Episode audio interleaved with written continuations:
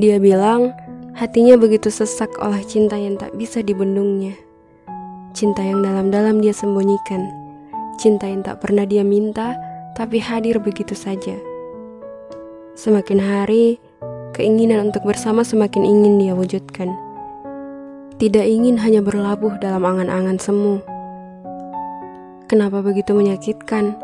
Aku mempertahankan rasa cinta ini karena aku tahu bahwa ini adalah perasaan yang dianugerahkan oleh Allah, ucapnya. Iya, memang benar. Perasaan cinta adalah anugerah luar biasa yang Allah titipkan pada hati setiap insan.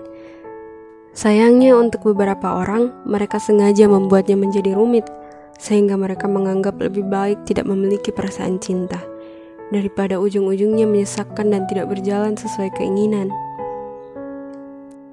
Tapi coba sekarang kembali mengingat. Ingat bagaimana dulu kau dengan sengaja membuat tatapanmu mendekap lama pada wajahnya Bagaimana dulu kau dengan sengaja mencari pertemuan di setiap kesempatan? Bagaimana kau selalu mencari alasan untuk mencari tahu tentang dirinya, entah itu lewat media sosial atau teman terdekatnya. Meskipun kau dengan keras menyangkal, tapi kau sendiri yang menghayalkannya setiap hari dan membiarkan semua tentang dirinya masuk ke dalam hari-harimu tanpa perlawanan sedikit pun. Cinta datang tanpa disadari katamu. Sedangkan jelas-jelas secara sadar kau selalu mencuri pandang di setiap kesempatan. Dan secara jelas melanggar perintah Allah untuk menundukkan pandangan. Kau membiarkan setiap pertemuan itu menjadi pelepas rindu. Kau membiarkan dirimu mencari tahu tentang dirinya. Dan kau membiarkan hayalan tentang dirinya menari-nari dalam benakmu. Tidak ada penolakan. Kau secara sadar melakukan semuanya. Secara sadar kau mengizinkannya masuk ke dalam hidupmu. Secara sadar. Padahal kau memiliki kendali penuh akan perasaanmu. Tapi kau memilih dikendalikan oleh nafsumu yang ingin sekali memiliki dirinya. Sekarang semuanya sudah di luar kendali dan entah siapa yang harus disalahkan. Padahal sebelumnya kau punya pilihan untuk menundukkan pandangan, tapi kau mengabaikan. Kau punya pilihan untuk menghindari pertemuan, namun kau memilih membiarkan pertemuan dengan alasan yang dibuat-buat.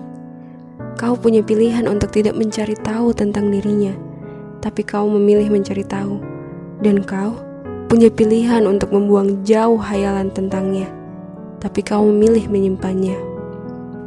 Dan yang paling penting, Kau punya pilihan untuk menyibukkan diri mencari ilmu agama, tapi kau memilih mengabaikan. Cinta memang bukan hal yang haram, tapi saat perasaan cinta kepada manusia sudah lebih besar dari cinta pada Allah, maka jelas itu adalah hal yang salah.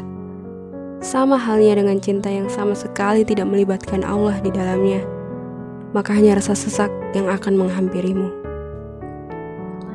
Di dunia ini, ada banyak manusia yang jatuh cinta satu sama lain karena kagum dengan kebaikan akhlak dan agamanya.